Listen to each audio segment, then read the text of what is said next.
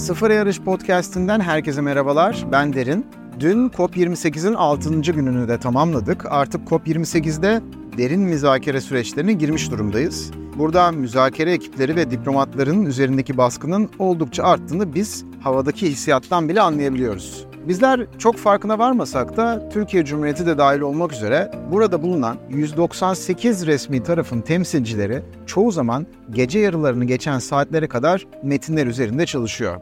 Özellikle de buradaki en kritik olarak beklenen sonuçlardan birisi olan küresel durum değerlendirme metni üzerinde ilerlemenin yavaş gittiği söyleniyor kulislerde. Bu belgenin ilk taslak metninin okuması birkaç günde birçok not ile tamamlandı. Bu yıl yapılan zirvenin merkezinde İngilizce Global Stocktake ve Türkçe'ye küresel durum değerlendirmesi olarak çevirdiğimiz bu belge oturacak. Çok kısaca bu küresel durum değerlendirilmesi metni veya küresel durum değerlendirme metni Paris Anlaşması'nın imzalanmasından 8 yıl sonra dünyanın nerede olduğuna ve ülkelerin eksikliklerini nasıl gidermeyi planladıklarına dair bir karne hazırlamakla ilgili. Yani kısaca Paris Sözleşmesi'ni 2015'te imzalanan Paris İklim Sözleşmesi'ni okulun başladığı gün olarak alırsak bugünü de Dubai'de COP28'i karne günü olarak alabiliriz.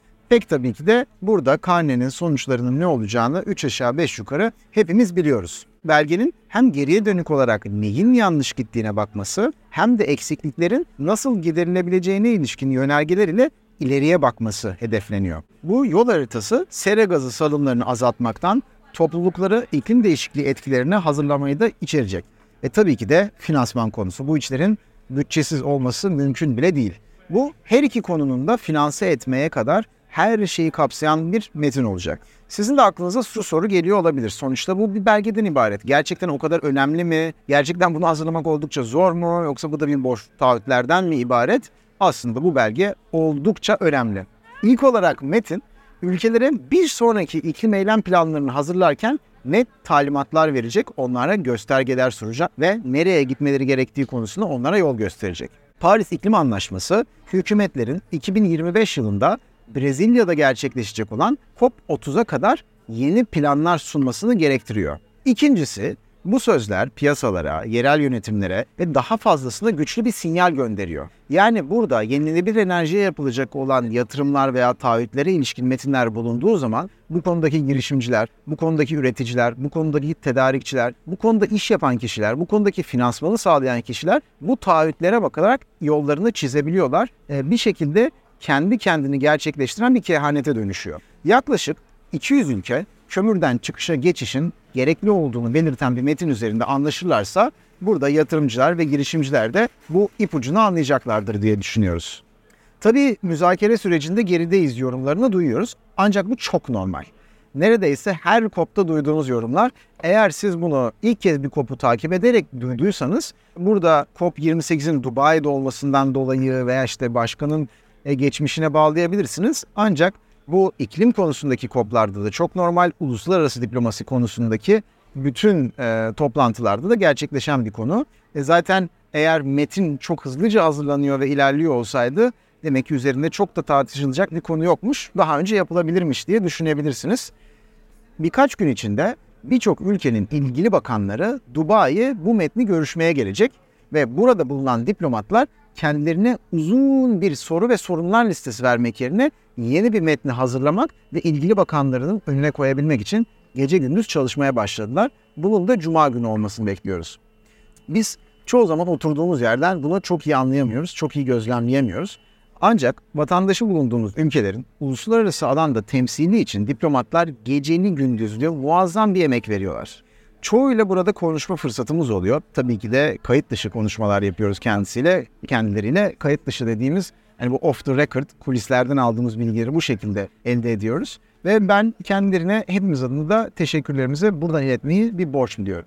Bugün özelinde önemli tartışmalardan bir tanesi de rekor sayıda fosil yakıt lobisinin COP28'e kabul edildiği ve buralarda tabiri caizse cirit attığına yönelik haberler var. Bir önceki COP'a kıyasla 4 kattan daha fazla fosil yakıt lobicisinin COP28'e kayıt olmuş olduğunu duyduk.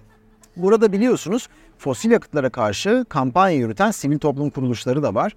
Çok da fazla değiller ancak e, alan çok yaygın olduğu için farklı farklı yerlerde karşımıza çıkıyorlar. Farklı gruplar var ancak sayıca çok fazla değiller. Bu kampanya yürüten kuruluşlar e, bugün bu konuda bir açıklama yaptı. Şöyle dediler. Müzakereciler küresel ısınmayı durdurmaya yönelik tüm yeni petrol, gaz, kömür projelerini sona erdirme çağrısıyla boğuşurken Dubai'deki Birleşmiş Milletler iklim müzakereleri için yaklaşık 2500 fosil yakıt lobicisinin rekor düzeyde akredite edildiğini duyduk. Aslına bakılırsa ev sahibi Birleşik Arap Emirlikleri fosil yakıt üreticilerinin çıkarlarını konuşmaya dahil etme planını hiçbir zaman gizlemedi. Bu o yüzden yeni bir haber değil. Zaten bu kişilerin de toplantıya geleceklerini, şirketlerin de toplantıya geleceklerini, burada tırnak içerisinde bir çeki düzen verileceğini, yola sokulacağını, 2030 ve 2050 planlarının ikna edilmesi konusunda kendileriyle konuşulacağını söylüyorlardı. Burada çıkacak konuyla ilgili olarak bir yorum yapmamakla birlikte şu ana kadarki konuşmaları böyle özetleyebiliriz.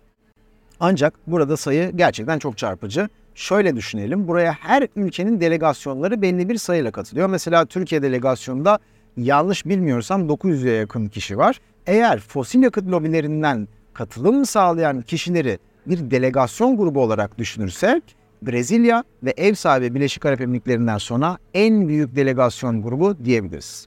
Alternatif enerji kaynağı arayışlarımız da çok önemli bu arada. Bunlardan biri de tabii ki de hidrojen. Hidrojen özellikle son 3-4 yılda gittiğimiz bütün etkinliklerde, bütün konferanslarda yıldız konumda, yıldız konumda derken çok fazla adından söz ettiriyor. Burada gündemde olan konuların da tabii ki de başında geliyor. Buna ilişkin de dün önemli gelişmeler yaşandı.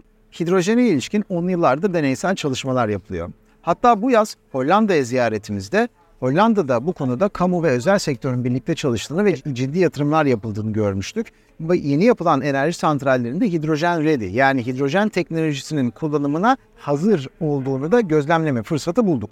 COP'taki bugünkü tartışmalardan biri de hidrojenin ticari kullanımının nasıl hızlandırılabileceği ve nasıl ölçeklendirilebileceği ile ilgiliydi. Birçok hükümetin enerji bakanları, müsteşarları yanında enerji sektöründen de birçok CEO'nun katılımıyla geçen tartışmalarda sadece teknolojinin kendisi değil, aynı zamanda sınırlar arası yaratabilecek değer zincirlerinin nasıl faydaları olabileceği üzerinde konuşuldu. E, tabii ki de buradaki konuşmalar daha çok bir teorik ve iyi niyet bakımından e, gerçekleşti. Bu yüzden de zaten e, bu tartışmaların sonucunda 39 ülke hidrojen niyet bildirgesini olayladı.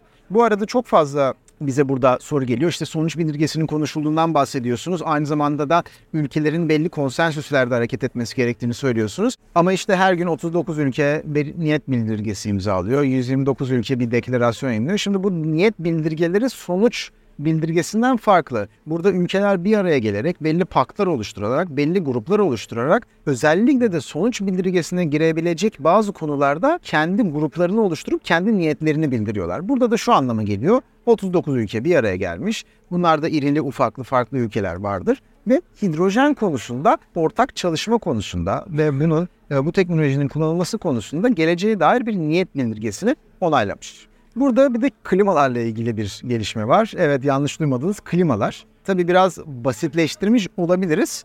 Bugün Global Cooling Pledge yani küresel iklimlendirme taahhüdü imzalandı. Birleşik Arap Emirlikleri'nin COP28'de ev sahipliğinde başlattığı bir girişim bu. Amacı klima gibi soğutma teknolojilerini özellikle gelişmekte olan ülkelerde daha erişebilir ve daha uygun fiyatlı hale getirmek. Bu çok önemli. Çünkü dünya ısındıkça insanların sağlıklı ve güvende kalması için soğutma teknolojilerine de ciddi bir biçimde ihtiyaç artıyor.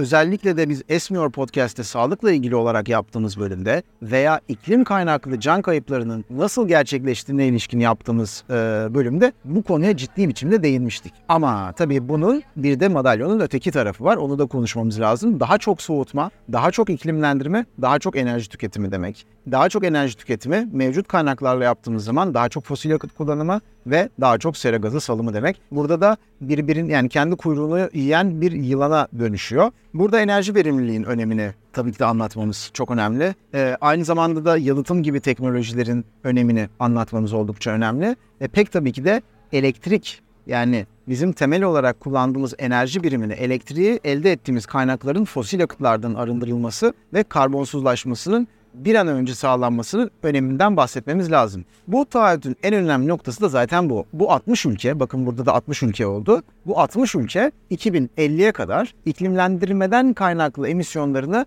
%68 oranında düşürme hedefi koydu bu taahhütle. Bu arada hazır bu hedef konulmuşken COP28'in yapıldığı Expo'daki klimaları 15 derecede çalıştırarak katılımcıların yarısını ve aynı zamanda sevgili Naz Yaman'ı da hasta etmeye yemin etmiş olan COP28 organizasyonunda bir mesaj göndermek isteriz. Burası e, gerçekten 30-31 derece seviyesinde bir içeride bir alana giriyorsunuz. Zaten terlemişsiniz koşuşturmaktan. İçeride bir alana giriyorsunuz ve hasta olmamak mümkün değil. COP28 gribi diye bir şey e, burada var. E, hepimizi vurdu. Naz'ı özellikle çok vurdu. Geçmiş olsun diyoruz kendisine. Şaka bir yana gerçekten klimalarımızı o kadar e, soğuk bir derecede çalıştırmaya gerek yok. Özellikle de İstanbul gibi bir yerde herhalde birkaç günü kullanmak ancak ihtiyaç oluyor. Enerji tasarrufu tarafında kesinlikle unutmamamız lazım. Yarın görüşürüz.